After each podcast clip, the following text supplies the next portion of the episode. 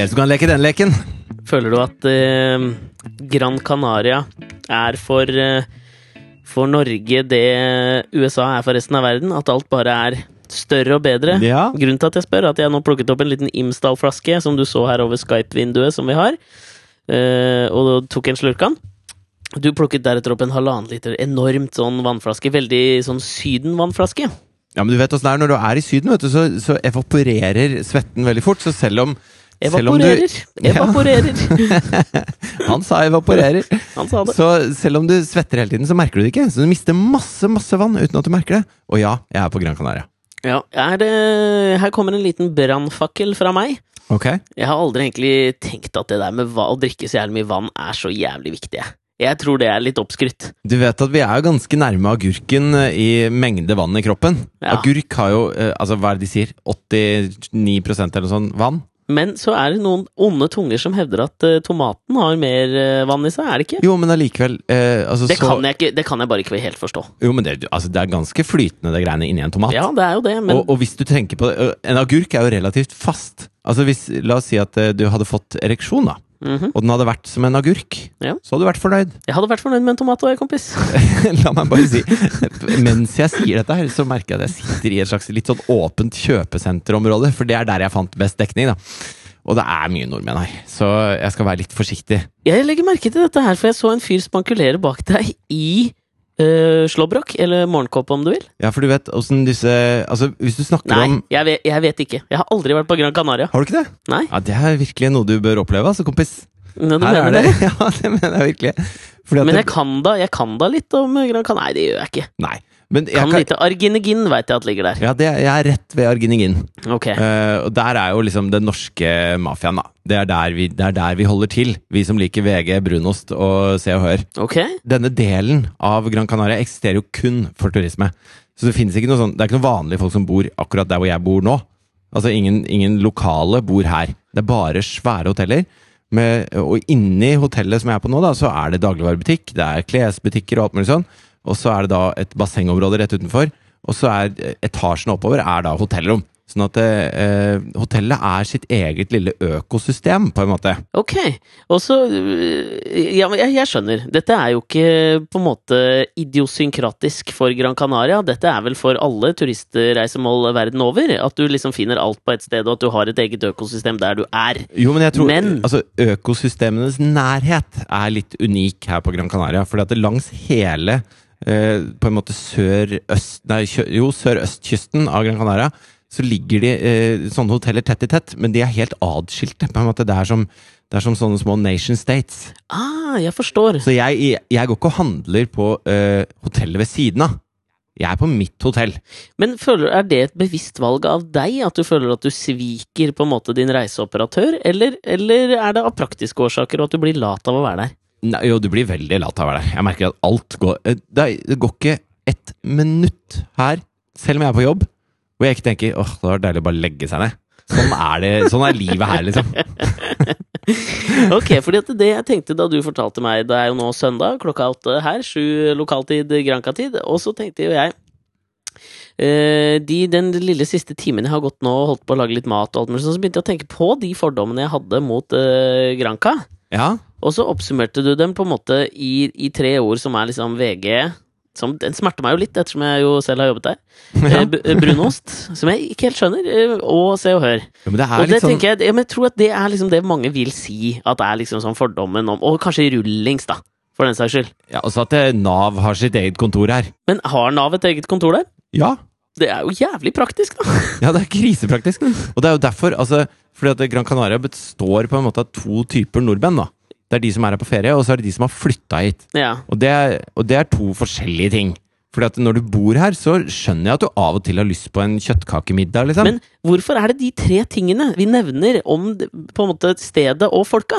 Nå har jo du vært der. Du er jo vår Wallraff, Gynter Wallraff, i dette miljøet her. Jo, men jeg tror jo også, altså, Dette er jo grunnen til at vi har tatt med amerikanerne i Alt for Norge ned hit. Mm. Fordi at det, dette er jo en forstad Spoiler! til Ja, det er spoiler alert. Dette er jo en forstad til Norge, på en måte. Det er hit vi drar da når vi skal slikke sol, som eh, det heter. Ja. Ikke til å sammenlignes med eh, den gamle eh, voldtektsskandalen på Emma Hjort eh, mentalsykehus for 25 år siden, hvor en dame som het Sol ble Huh, nei, den var slitsom. Det ble mørkt. Ja, det ble jævla jævla mørkt. jævlig fort. Vi går videre. Så, men eh, jo Tror du, det- tror du mange som heter Sol har slitt, slitt med? Tror du det er derfor det ikke står på toppen av navnestatistikken i 2016? Det vet jeg ikke. Altså. Det, kom jo, det var en veldig stor sak da det skjedde, husker jeg. Medvirkende årsak, eh, tror jeg, altså. Helt for jævlig. Og jeg tviler på at det er noen som liksom i månedene etter at den saken er overalt i media, bare tenker jeg har lyst til å kalle datteren min for Sol. Eh, det stopper man. Akkurat som Vidkun er et lite brukt navn om dagen. Ikke at Sol hadde noe feil i dette her, men, men det har noen dårlige konnotasjoner, på en måte. Åh, jeg kjenner jeg er ute i en hengemyr her nå. Ja, gå videre. Gå Jeg må videre. grave meg opp. Gå videre. Men jo, det jeg mente var at det, eh, eh, det er jo så mange som reiser på ferie hit. Og, og når de da ser at det selges VG og kaviar og brunost Og og sånne ting i i Ja, okay, butikken her, okay, ja. så tenker de at herregud, klarer ikke folk å være en uke på ferie uten å måtte ha brunost på brødskiva, liksom? Uten å, uten å måtte lese Se og Hør? Mm. Og det er jo vel helt enig i, og, det, og der, derav kommer jo fordommen. Men det er klart, hvis du bor her, noe mange nordmenn gjør, Ja. så er det digg å av og til lese VG, og få med seg hva som skjer hjemme. Eller lese og høre og se hvilken kjole Mette-Marit har plastra på seg om dagen. Og, og det er deilig, ikke sant? Og jeg skjønner det også. Og jeg tror at summen av de to har lagd alle de fordommene vi har mot Gran Canaria. Det er et ypperlig sted å bli gammel, og også et ypperlig sted å være på ferie! Men ikke sant, det her kommer det da en fordom til, det, til det du sier, ikke sant? og det er jo at de folka som bor der, de liksom frekventerer ikke internett. For da føles VG-standen litt uh, som en anakronisme, ikke sant? Jo, men uh, altså, verden bruker jo ikke internett. Det er jo bare noen få som bruker internett. Altså, har du, når du er på ferie Altså, Når vi er på ferie og skal gjøre den podkasten her, vi leter jo huet av oss Er det Hans Rosling som sitter her, eller? Nei, men det- altså, Sånn som vi bruker internett, sånn gjør de jo ikke i Spania eller Frankrike eller Italia eller noen ting. Altså, de, de har jo telefonkiosker og internettkafeer og alt mulig sånn. Det, det er jo ikke sånn at man går rundt og bru, bruker internett hele tida. dette her kan jeg ikke tro på! Mener du å si at en 19-åring i Frankrike ikke går rundt med Ja, men har, har de ikke iPhone? Har de ikke 3G i Frankrike? Jo, men jeg er sikker på at det er dyrt, sånn som det var i Norge for ti år siden. Ja, kanskje det, altså. Men jeg, dette her skulle jeg like hvis noen av seerne våre, hører lytterne våre, bor i et uh, europeisk land. Jeg har vært inne og sett på litt statistikk, og jeg ser at vi har lyttere over hele Europa. Så hvis noen av dere kan sende oss noe info om dette her, eh, på Facebook-sida vår, hvis det ikke er for dyrt å sende oss en melding på Facebook, da, så hadde jeg satt pris på dette, for dette lurer jeg på. Jeg, jeg tror ikke helt på det der. Jeg tror at vi tror at vi er veldig unike i den sammenheng, men det tror jeg ikke vi er. Nei, men jeg merker jo altså, jeg, jeg er enig med deg, og jeg er helt sikker på at uh, i Paris så er liksom uh, Der bruker de nettet like mye som oss. Men jeg, jeg føler jo ikke at det om å bruke nettet mest mulig er noe å trakte etter heller, da. Eh, Jeg mener jo at man mister noe ved det også. Men når jeg er på ferie og skal prøve å finne et sted med god dekning, så eh, norsk oppfattelse av hva god dekning er, og sydfransk oppfattelse av god internettdekning, det er to veldig forskjellige ting. Ja, jeg hører hva du sier, men jeg klarer jo ikke å fokusere når det går folk i speedo bak deg. Sorry, jeg veit ikke hvordan dette skal gå. Vi Du får må lukke videre. øya da, mens jeg prater.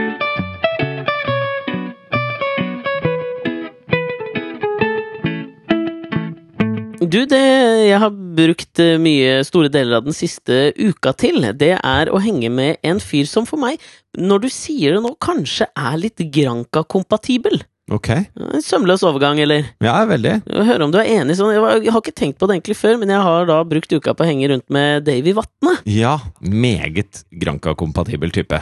Føler du ikke det? Han kommer til å bo her. Jeg tenker det, altså. Om Ja, ja. ikke liksom at han Om det er liksom litt å snobbe litt for ned for han. Jeg tenker kanskje at han har en aura som er liksom litt mer Nis eller uh, sørspissen av Portugal. Ja, men jeg kan tenke meg at det er det han har lyst til, men så ender han med en sånn timeshare-leilighet i Tyrkia. Ja, det kan, det kan godt være. Men eh, det er en ting som har fascinert meg med dette, her, for jeg er jo blitt eh, stormende forelska i Davy Vatne. Og Ok. ja, Å ja. For greia er jo liksom sånn Hvis vi skal ta det vanlige, hva har vi på Davy Vatne, så er det jo eh, Han har jo vel brukt hele karrieren sin på å bygge seg opp til å være en fyr som liksom snakker rett fra levra, og er jævla tydelig og ganske streng. Det Men- kan vi vel si. Men her har vi hatt en, en litt lignende opplevelse, tror jeg. Fordi jeg har brukt okay. uka til å henge med Chartersvein. Du har vel det. Han er altså veldig Granca-kompatibel. Eh, ja, I aller ja. høyeste grad, liksom. Eh, men han er også en fyr som snakker rett fra levra, altså. Jeg liker jo han kjempegodt. Ja, men dette her kan være en gøy parallellhistorie, tenker jeg nå. Fordi at det, det som jeg tenkte jeg hadde lyst til å liksom flette litt inn i dette her, var at jeg reiste opp til Bergen på mandag morgen, eh, og det siste jeg gjorde på søndag kveld før jeg liksom la meg for å sove, det var at jeg så Disney, Pixar, hva faen det er, filmen Innsiden ut. Ja, det har jeg ikke sett. Jeg har ikke sett den. Ok, Den handler i korte, da, korte trekk om en uh, bitte liten jente, Uh, hvor man liksom uh, Hennes historie er på en måte rammehistorien, men det som foregår, er inni hodet hennes. Så det handler om følelser, ikke sant? Ja. Så du har liksom fem følelser som man får følge inni hodet hennes, som er liksom glede, tristhet, joy, sadness, nå må jeg tenke meg om, disgust, eh, anger og fear. Ikke Pain? Nei, det er de, fi, det er de fem. Okay. Hvis jeg skal prøve å nøle dette litt til, så tror jeg dette baserer seg på arbeidene til den amerikanske psykologen Paul Ekman, okay. som gjorde noen del sånn studier på ansiktsuttrykk til mennesker for å gjenkjenne liksom hvilke var våre arkefølelser, ikke sant? Sånn at du kan se et ansiktsuttrykk, så kan du se hvilke av disse følelsene det mennesket kjenner. Han hadde to til også, som var contempt og Disgust og Contempt ligger veldig nært hverandre, ja, disgust og contempt, ja, det gjør jo det, men det er liksom Det er noen uh, nyanseforskjeller der. Og det var i hvert fall det han fant ut når han studerte veldig sånn tusenvis av ansiktsuttrykk, og det er det man liksom... Men hva er forskjellen, hva er forskjellen på uh, avsky og forakt, da? For det er Disgust og Contempt. ja, Det har jeg ingen anelse om, fordi i denne filmen har de jo valgt de fem som jeg nevnte, Men- ikke sant? Så de har tatt bort For jeg føler jo at han har glemt én, som er veldig viktig. Riktignok ikke for en liten jente, men, men altså Kåthet, det er også et ansiktsuttrykk som man kan tydelig se. Ja, Ja, men det er jo det. det er jo en, en distinkt følelse.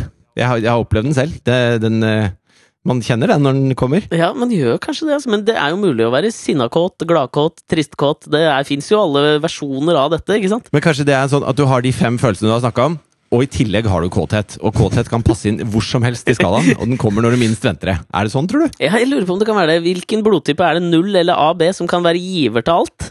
At kåthet på en måte er følelsenes øh, universelle blodgiver, da. Det er følelsenes salt og pepper. Altså Det passer til alt unntatt dessert.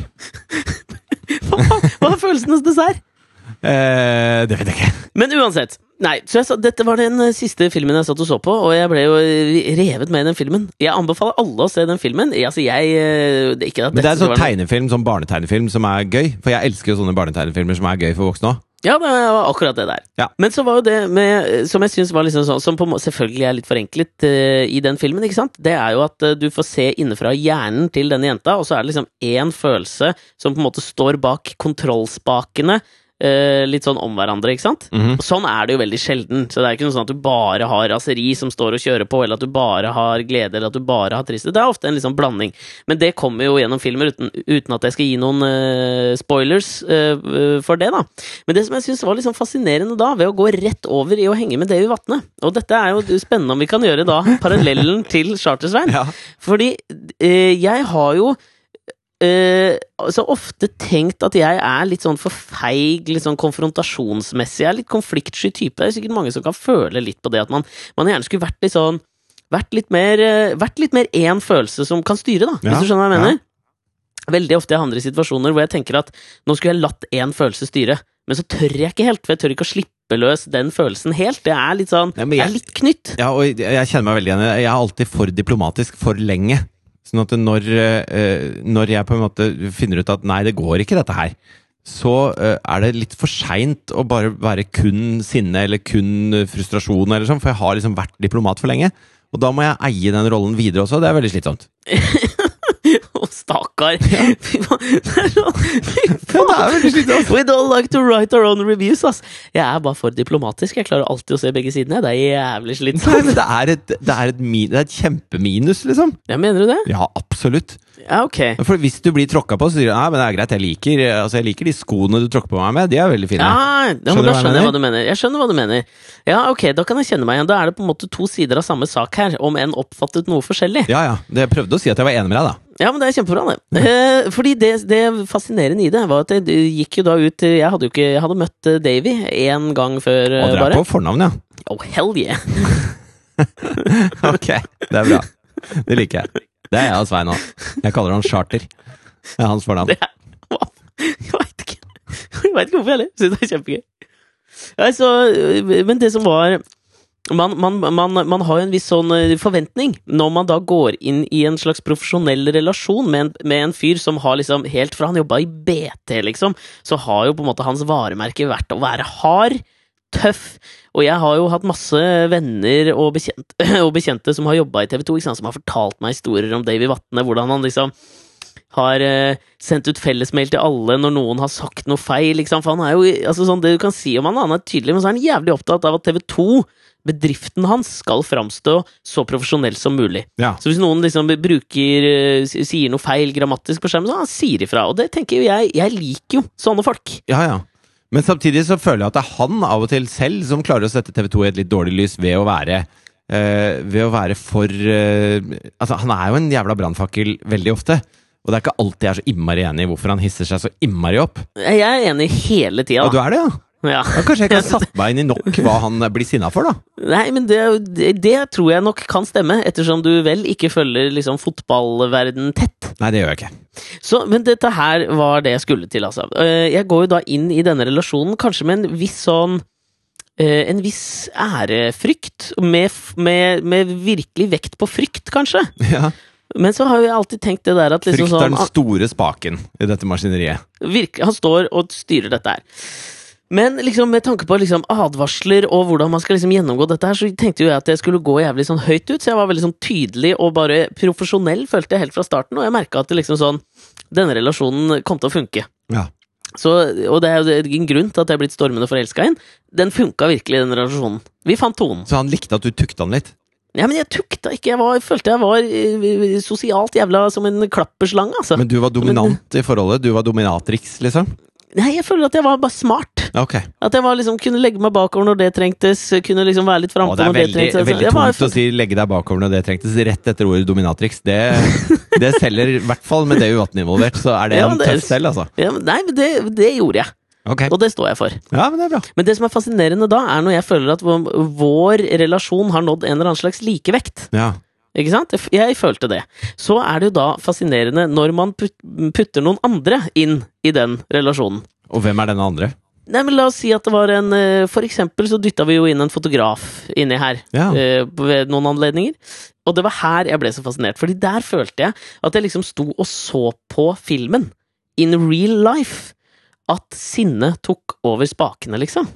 Og du ble sint for fotografen fordi at eh, du og Nei, Davy nei. hadde en sånn egen greie gående, og så kom det en, en, et tredjehjul på vogna og ødela dette maktforholdet dere imellom.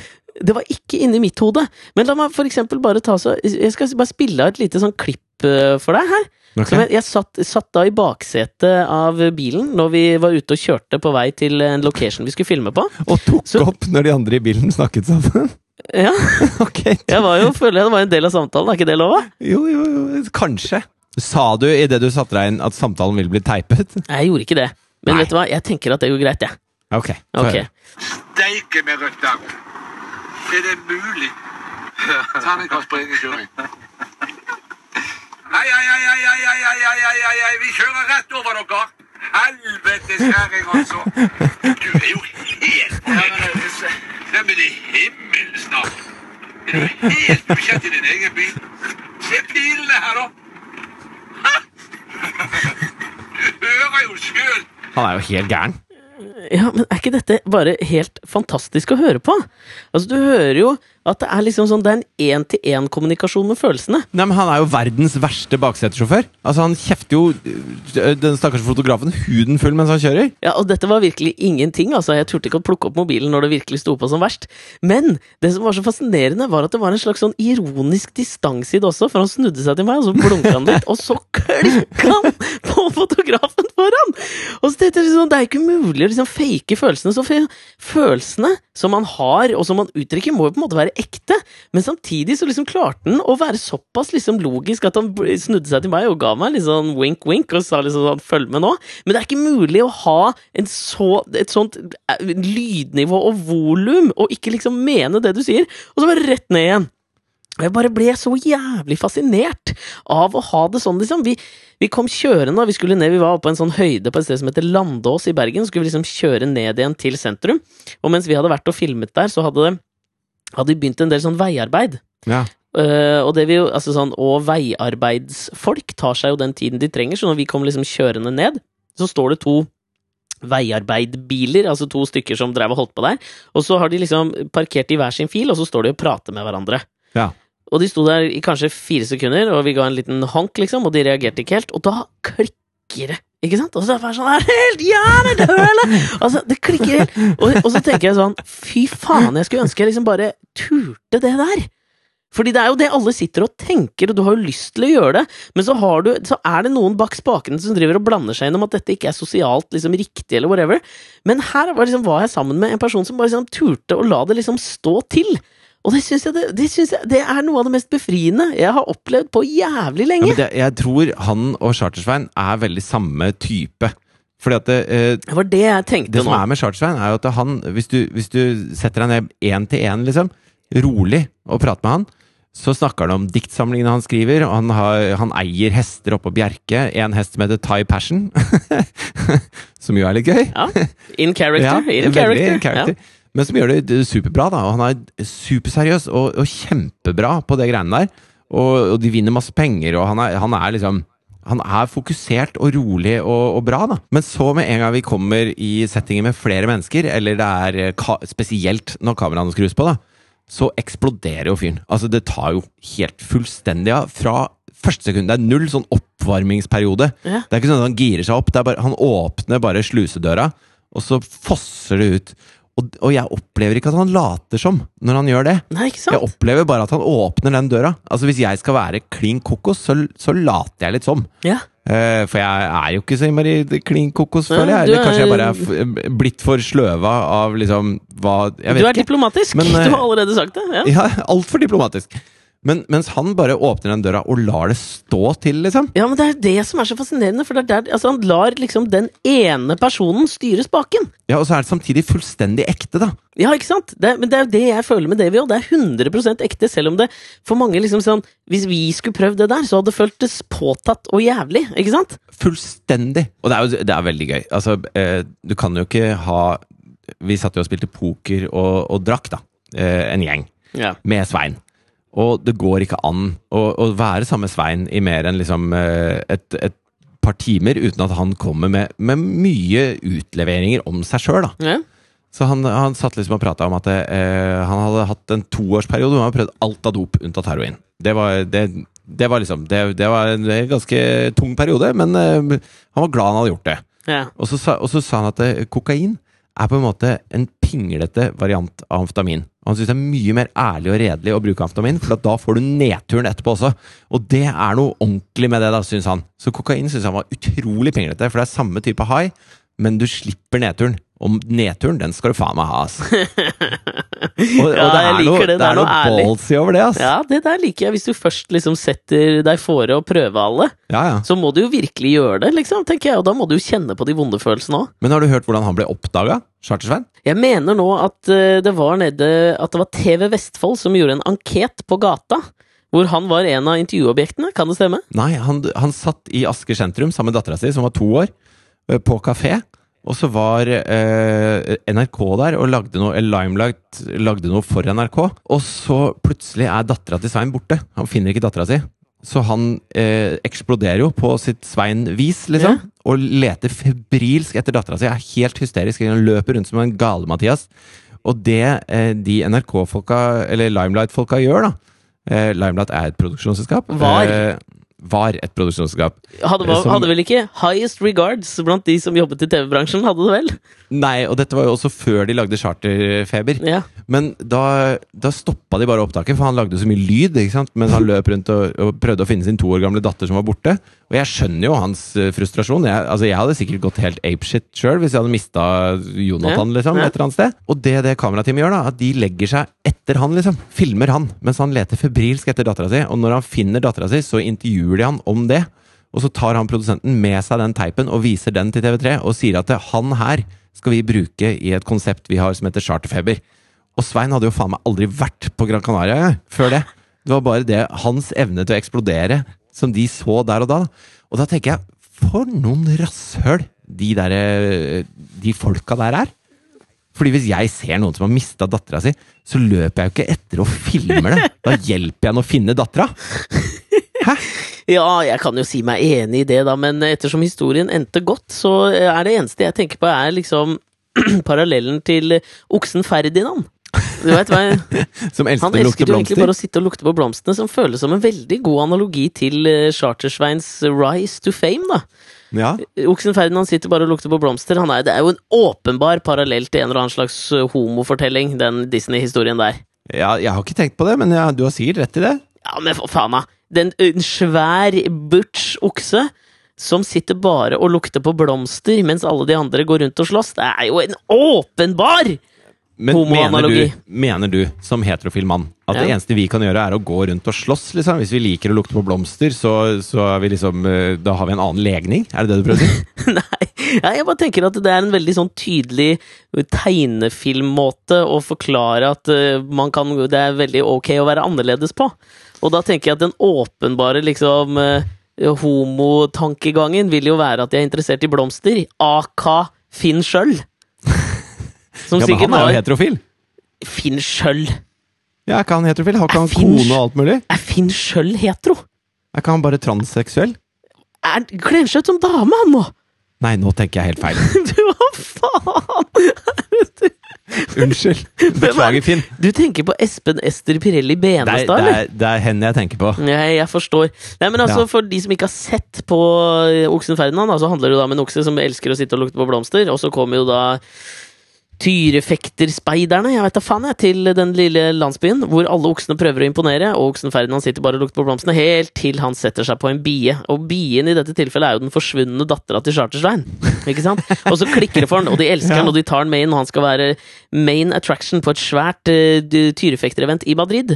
Men det går jo ikke, for han, er jo, han har jo ikke satt seg på en bie da, så det, han, tyrefekteren river seg i håret og blir helt gæren, helt til han viser fram en tatovering på brystet som er en rose, og da slikker oksen Ferdinand igjen alle klærne hans, noe jeg alltid har syntes har vært så utrolig vakkert, at jeg kunne også ikke bare slikke sol, men slikke igjen klær. Det hadde vært utrolig behagelig. Ja, men jeg begynner å skjønne parallellen du trekker her. Ja, du gjør det, ikke sant? Jeg gjør det nå. jeg gjør Men det ikke sant, det som er fascinerende, er at vi har liksom på hver vår måte opplevd to personer som er innsiden ut i løpet av den siste uka.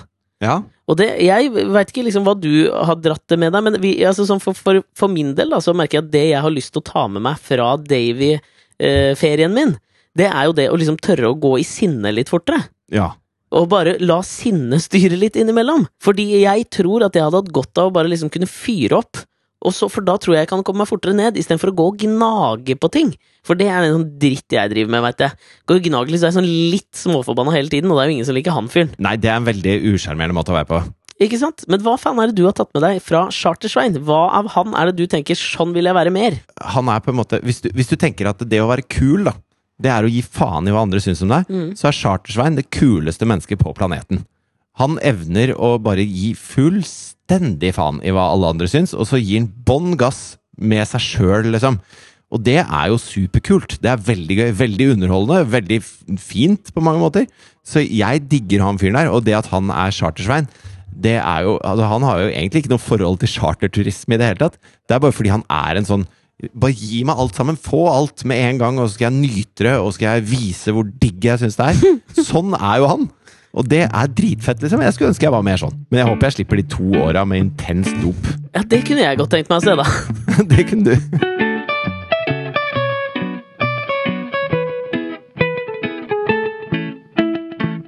Når jeg har vært ute og reist nå, så har jeg jo tatt en del fly og flytog og tog og sånne ting. Og eh, jeg fløy blant annet et, et morgenfly fra Ålesund. Sånn at det, det gikk klokka åtte og landa klokka ni i Oslo. Og det er sånn veldig sånn businessfly. Det er masse menn i dress med yeah. stresskofferter. Ingen sjekker inn noe bagasje. Alle har bare en litt sånn derre Litt for stor sånn skinnkoffert som de skal presse inn eh, over på flyet, og så blir det for trangt, og så er de og, og jeg mener, den, den gjengen der, nå skal ikke jeg generalisere, men den jævla gjengen der Altså Hvis du har Chartersvein og Davy Vatne på den ene siden av skalaen, de er helt på den andre siden av skalaen. De har null sidesyn. da De er kun opptatt av sin egen lille sfære. Og de er så, de er så jævlig uhøflige og uspiselige, de folka der.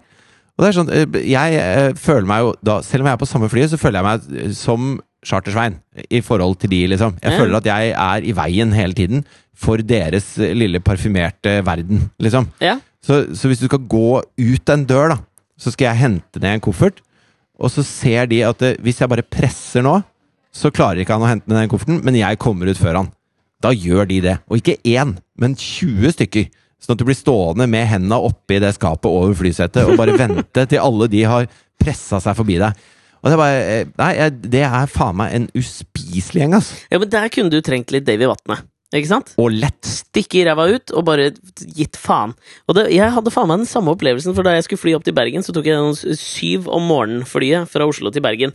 Akkurat den samme crowden, ikke sant? Som Absolutt. skulle fly opp og sikkert bare ha et møte, jævla møte der oppe som ikke betyr noe. Ja, ja. Ta det på Skype, for faen! Lær av oss. Og da kom Her sitter vi på Skype. ja, sant? Skype. Skal jeg prøve en gang til? Nei, det får du ikke Ok. lov til. Det som var min eh, lille beef med meg sjøl da jeg skulle fly fra Oslo til Bergen nå på mandag, det var jo at det var min første flyvning post vår eh, lille eh, vår kollaps, hører du. Det var jo min kollaps. Du var jo en støttende bauta ved siden av, men da jeg kollapsa på det flyet Ja. og dro på meg flyskrekk, ikke sant? Så for første gang skulle jeg fly aleine etter det. Oh, ja. Jeg har ikke gjort det. Har du ikke det? Det er mange år siden. Ja, Oi. jeg veit det! Ja. Ok. Ja. Hvor faen? Ja, faen, hvor skulle jeg flydd aleine, da? Nei, jeg vet da faen. jeg- Kanskje du skulle noe, da? Jeg skal jo ikke det! Nei, jeg skjønner. Jeg er jo ikke, jeg er ikke sånn, jeg. Nei, ok, Jeg, ok. jeg tar det på Skype, for faen. Ja. Men eh, jeg var jo ganske nervøs, ikke sant? Som jo jeg tenker rett var. Altså, Forrige gang jeg liksom satt litt aleine på et fly, så gikk det jo særdeles dårlig. Men det som skjedde nå, var jo at jeg liksom prøvde å ta det veldig veldig sånn med ro, ikke sant? Og ha god tid inn. Kjøpe meg litt mat. Ta den deilige valiumen i god tid før. og liksom bare være helt sona ut idet det flyet skulle ta. Og det som skjedde da, var jo på en måte litt av det samme du opplever. Fordi det var jo absolutt ikke et fullt fly, og jeg hadde sørga for å få meg en, et sete mot midtgangen, for det vet du at jeg trenger. Ja, det vet Hvis ikke ikke så får jeg klaus inni der. Ja. Og så vil jeg jo helst ikke se ut. Eh, og så setter jeg meg ned da på rad 7D. Og skal eh, vippe opp øh, iPaden og bare få på noen øreklokker, sånn at jeg kan stenge verden ute utenfor og glemme at jeg sitter i en jævla flyvende metallboks som når som helst kan falle ned, og livet mitt kan være over. Så setter jeg meg ned, jeg er klar for det, og så kommer det liksom en dame sånn Og hun er liksom for sein, ikke sant? Alle sitter jo bare og venter på henne. Ja. Men hun har buksedress og bluse, så hun gir faen, og så har hun stresskoffert. Ja. Og jeg hadde jo fått da hele den seteraden min, hadde jo jeg på en måte for meg sjøl, og det tenkte jeg det var jævlig greit, egentlig. Jeg kunne legge litt ting utover og bare sone litt ut. Ja. Hun skal jo selvfølgelig innerst på den raden hvor jeg sitter. Hun spør ikke om jeg kan reise meg opp. Nei, men Hun det, bare forventer det. Jo, du skal få fullføre historien. Men mitt første møte med den gjengen der var når du liksom skal forbi, og så merker du at du blir kutta av en fyr som ser deg, og så, og så stopper jeg, da, for jeg har ikke lyst til å krasje i fyren. Og så ser man rundt seg sånn Ha, så du han løken der, liksom? For å hente litt sånn anerkjennelse fra de rundt at ja, han var idiot. Og så ser du rundt på de blanke fjesene som bare Oi, går det an? Og så bare går hele gjengen videre, liksom. Altså, Ja, ja. altså, det er ingen sosial kutyme som, som gluer med åssen jeg pleier å ha det, da. Nei, men jeg er enig, og det var jo det som skjedde her. ikke sant? Hun, altså sånn, Selvfølgelig skal jeg reise meg opp, det er ikke det, men liksom bare gi et vennlig blikk eller noe sånt, da. For faen. Ja, ja. Men ok, reiser meg opp, hun liksom bare dytter seg inn, har med seg noe, en kaffekopp selvfølgelig, og litt sånne ymse dokumenter som hun skal vippe opp. Og så hadde jo jeg noen ting liggende utover. Og det første hun gjør, da, er å sete imellom oss. Mm. Det føler jeg på mange måter er det, det, må vi dele. Det er ikke noen sitt. Hvis det, det setet imellom er eh, ikke er tatt, så er det ikke liksom sånn Da er det ikke én som bare har retten på det. Nei, nei. Men det hun gjør da, er at hun bare liksom tar armen sin som en slags spade og bare skyver mine ting bort. Og så setter hun ned kaffekoppen sin. Og så er jeg litt sånn Ok, Ja, men Setter du en kaffekopp midt i setet? ja. Og det i seg sjøl Det er ikke så kløktig. Det var jævlig arrogant å gjøre, liksom. Ja, ja. Og det eneste jeg hadde lyst til, var å bare velte den jævla kaffekoppen. Men ok, jeg puster, jeg puster jo dypt inn liksom og tenker ok, det er ikke så farlig, jeg kan bruke de der foran her i seteryggen, ikke sant, så jeg bare Du måtte plukke opp alle dine ting.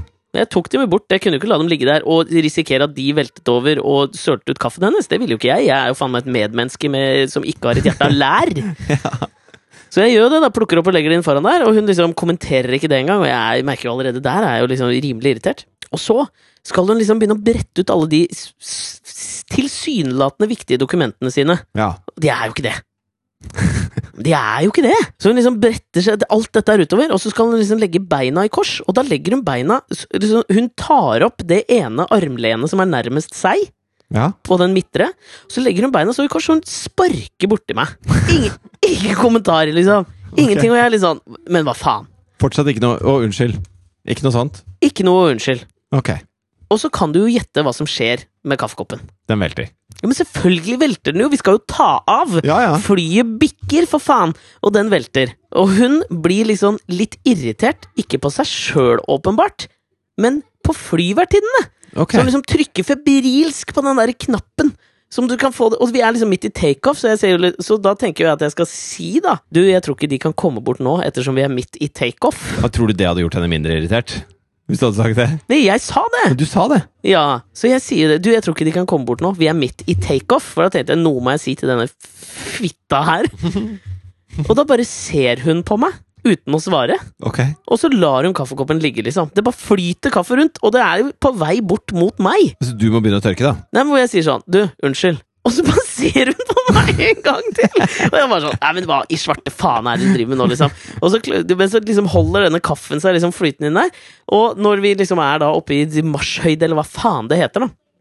Så kommer jo selvfølgelig noen sånne flyvertinner bort, eller steward, hva faen de heter. Og så øh, bare peker hun ned. Hun har fortsatt ikke sagt et ord. Ja. Og de bare 'oi, hva har skjedd her?' Og da klarte jo ikke jeg å dy meg, da, så sa jeg hun sørte ut kaffen sin. Og da ser hun bare på meg. Hun har fortsatt ikke sagt et jævla ord. Og jeg hørte henne prate på vei inn i mobilen sin. Hun var norsk, liksom. Hun var jo selvfølgelig fra fuckings Bergen. Hun kan snakke. Men så kommer de jo da, og de liksom må jo lene seg over meg og tørke, og så jeg sier til slutt ok, jeg kan reise meg opp, så jeg reiser meg opp, og de tørker, og det er liksom sånn, og hun sier ingenting, hun sitter bare og leser i dokumentene sine, uten å gjøre noe. Men ikke sant, det er jo akkurat der, altså sånn, hvis det her hadde skjedd på turen min hjem fra Bergen til Oslo, Ja. så hadde jeg jo allerede blitt utsatt for The Davy. Og da veit jeg jo at jeg hadde jo klikka i vinkel.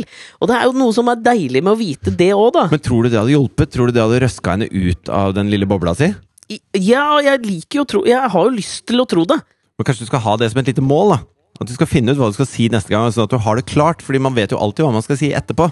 Men du tror ikke det er liksom sånn For det jeg føler liksom er greia med The David, da, det er jo at det kommer så Altså At du ikke tenker gjennom det, og at det er derfor det føles så naturlig. At det ikke er gjennomtenkt, på en måte. At det bare er følelsene som styrer deg rett ut, og at det da er, uansett hva det er, så er det riktig å si. Ja, Du kan jo øve på meg. Jeg er sikker på at du eh, kan fort bli irritert på meg av og til. Ja, du er jævla diplomatisk, så det er jo utrolig irriterende å bli irritert på deg. Men jeg tenker kanskje du kan ha en oppgave til neste uke. At du skal prøve det en gang, og la sinnet ta litt overhånd, da. Og så bare si det som kommer ut. Altså på fritida. Ja, du kan jo for faen gjøre det når du vil, for helvete! Jo, jo, men jeg mener ikke i podkasten, men eh, til neste gang, liksom. Ja, du må ta det til neste gang, okay. sånn at vi kan få kjenne litt. Kanskje du til og med ja, Det spørs om du får til det hvis det skal være umiddelbart, da, men hvis du husker å trykke på rekord på telefonen din, så hadde vi satt pris på det, både jeg og lytterne. Jeg tror kanskje til det trekker vekk fra liksom, det å slippe the floodgates open. Jeg hører det. jeg hører det Ja. Men i hvert fall fram til neste uke skal du bare prøve en gang å la mensblodet flyte fritt, og bare tenne på noen. Avtale? Ok, jeg skal gjøre et tappert forsøk.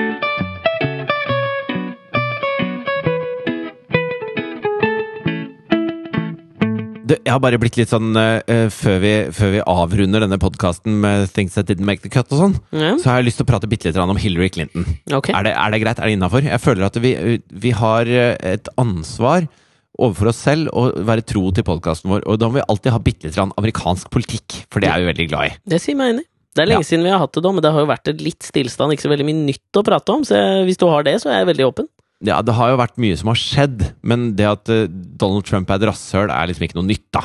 Så det orker vi ikke å prate mer om. Nei. Så, men jeg er jævlig spent på dette med Hillary Clinton, for nå Det er jo et historisk øyeblikk, sier alle sammen hele tiden. At hun er den første kvinnen som er nominert av et, eh, av et av de to store partiene der borte. Ja, men hun er jo ikke den første kvinnen som run for office. Nei, men hun er den første som er partiets eh, presumptive no nominee, da. Ja. Eller hva de nå kaller det. Ja. Og så legger jo eh, Og så er det sånn at hun ikke Alle disse kommentatorene som snakker om det, de sier at hun har så dårlig grep på kvinner. Mm. Altså, kvinner er ikke en av de eh, tingene som eh, Tingene, faktisk! Gruppene som gir henne mye stemmer. Mens hun har veldig, eh, veldig mye oppslutning hos eh, de sorte, f.eks. i USA. Selvfølgelig, når hun har til enhver tid hot sauce i veska si, så eh, du treffer da, liksom. Og så er alle er veldig sjokkert og opprørt over at ikke kvinner da støtter opp om Hillary, siden hun er den første kvinnen som er nominert av et av de to store partiene. Ja. Og så syns jo jeg det er eh, helt urart. Altså, det, det finnes jo ikke rart, fordi at det, kvinner er smarte nok til ikke å stemme bare på kjønn. Det, det må jo være politikken som gjelder her, men det er det liksom ingen som snakker om. At, at det er politikken som avgjør hvem man stemmer på. Det var sånn, Hvis Barack Obama skulle bli stemt, så måtte han ha de sorte, for han var sort. Og hvis Hillary skal bli president, så må du ha kvinner, for hun er kvinne. Mens jeg syns det er et pluss for henne at hun har sine sterkeste bein i andre leire enn den leiren hun på en måte er født som, da.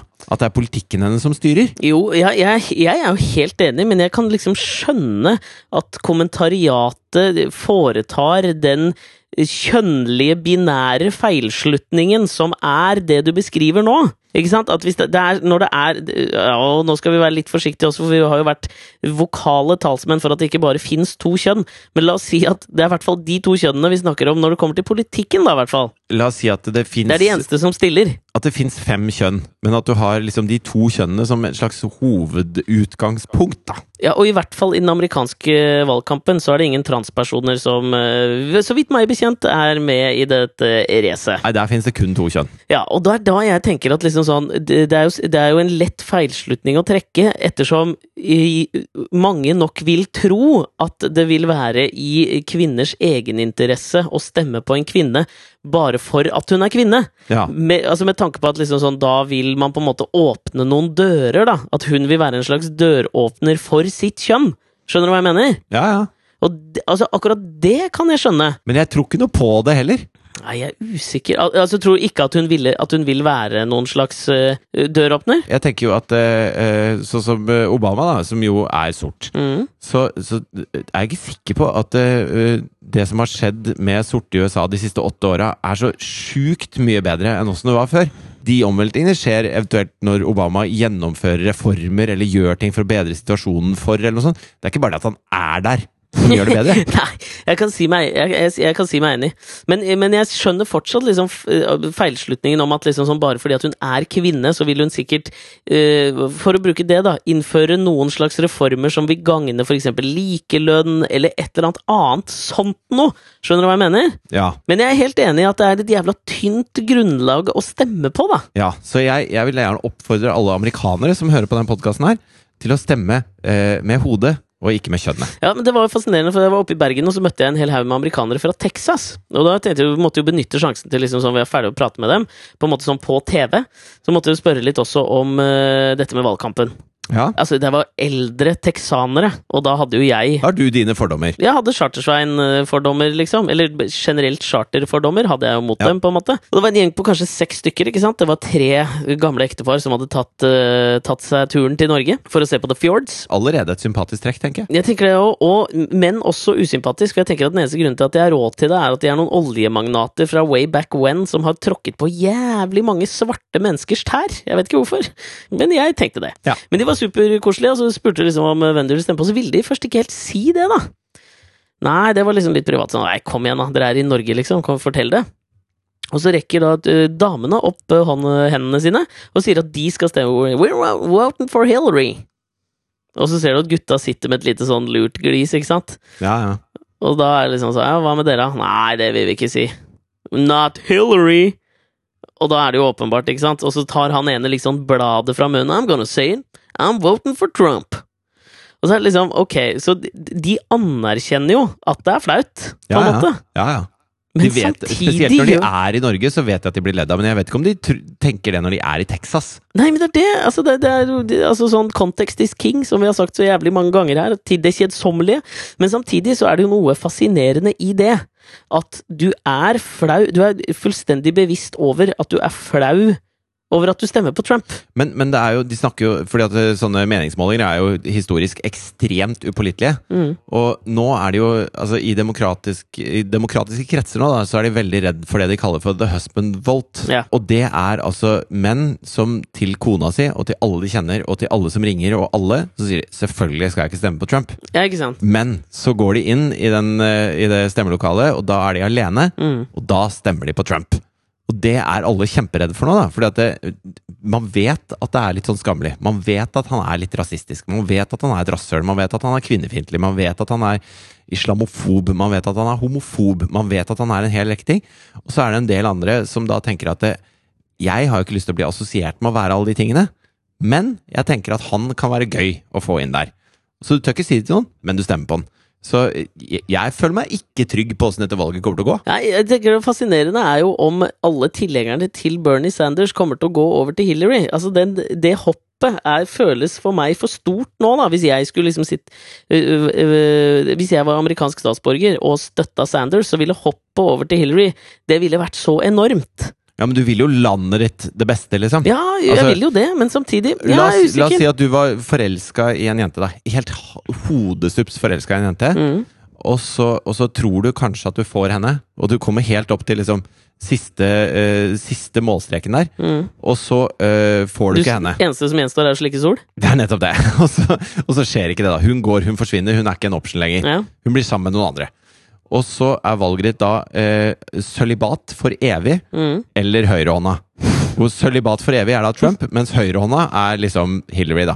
Ja. Da tror jeg man kryper til korset til slutt og bruker høyrehånda. Ja, men for faen, man gjør jo det. Men jeg hadde jo gjort det. Men dette her kommer til å bli fascinerende å, å følge. Kanskje vi til og med skal våge oss på en sånn eh, all-nighter live podkast, valgvake-podkast. Man kan, gjøre det, man kan gjøre det på Facebook nå. Sende live. Kanskje vi skal kjøre live Facebook eh, på valgnatta, da? Ja, Det hadde vært gøy. Lyttere, vi trenger da deres uh, iver for at vi skal gjøre dette her, så send oss noe innspill, spørsmål eller et eller annet. Kanskje skal ha noen gjester også. Vi skal klare å få inn noen gjester. Ja. Dette, dette skal vi vurdere litt, men jeg kaster det ut der. Kanskje det skjer. Pottis, øl, valgvake og gjester. Og det passer jo bra da å gå rett over til Things That Didn't Make The Cut, for det er ikke sikkert dette skjer. Uh, jeg har en liten ting. App, app, app, app, app. Du glemte kanskje denne? Åh, Things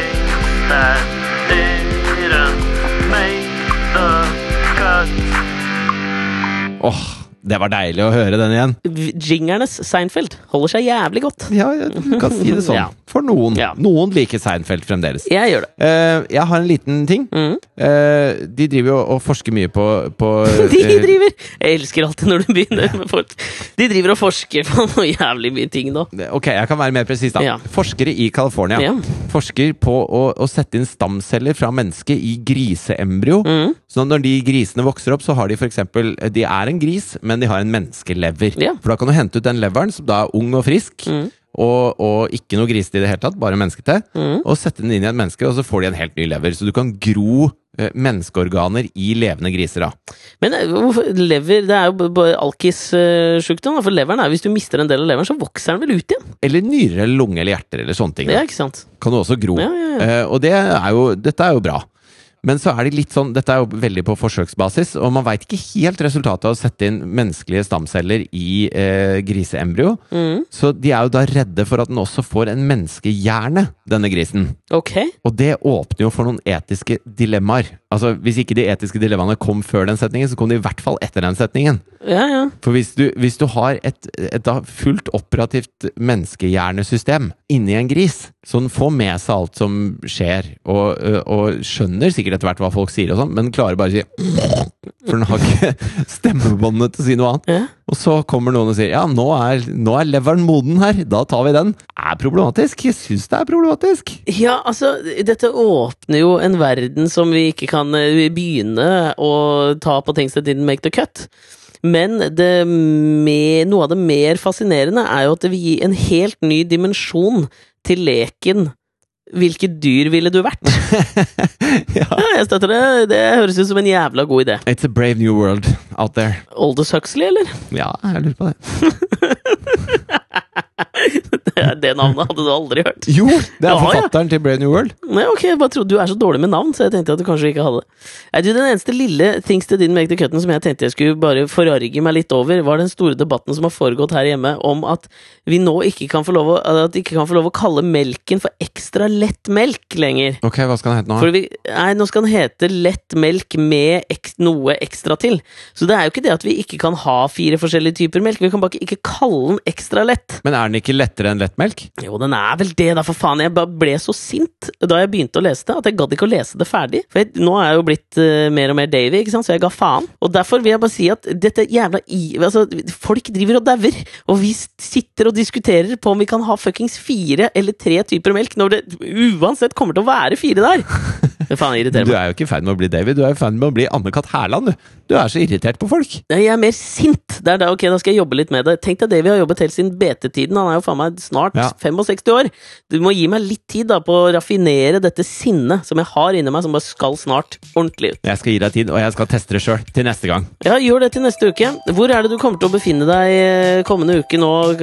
Får vi møttes? Kan vi drite i Skype med sånn jævlig dårlig internett i Sør-Europa? Jeg er nok i Grimstad, gitt.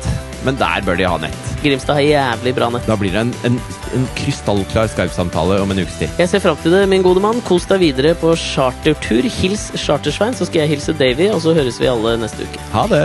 Adio. Where do you wanna go? Take me home, bring me down.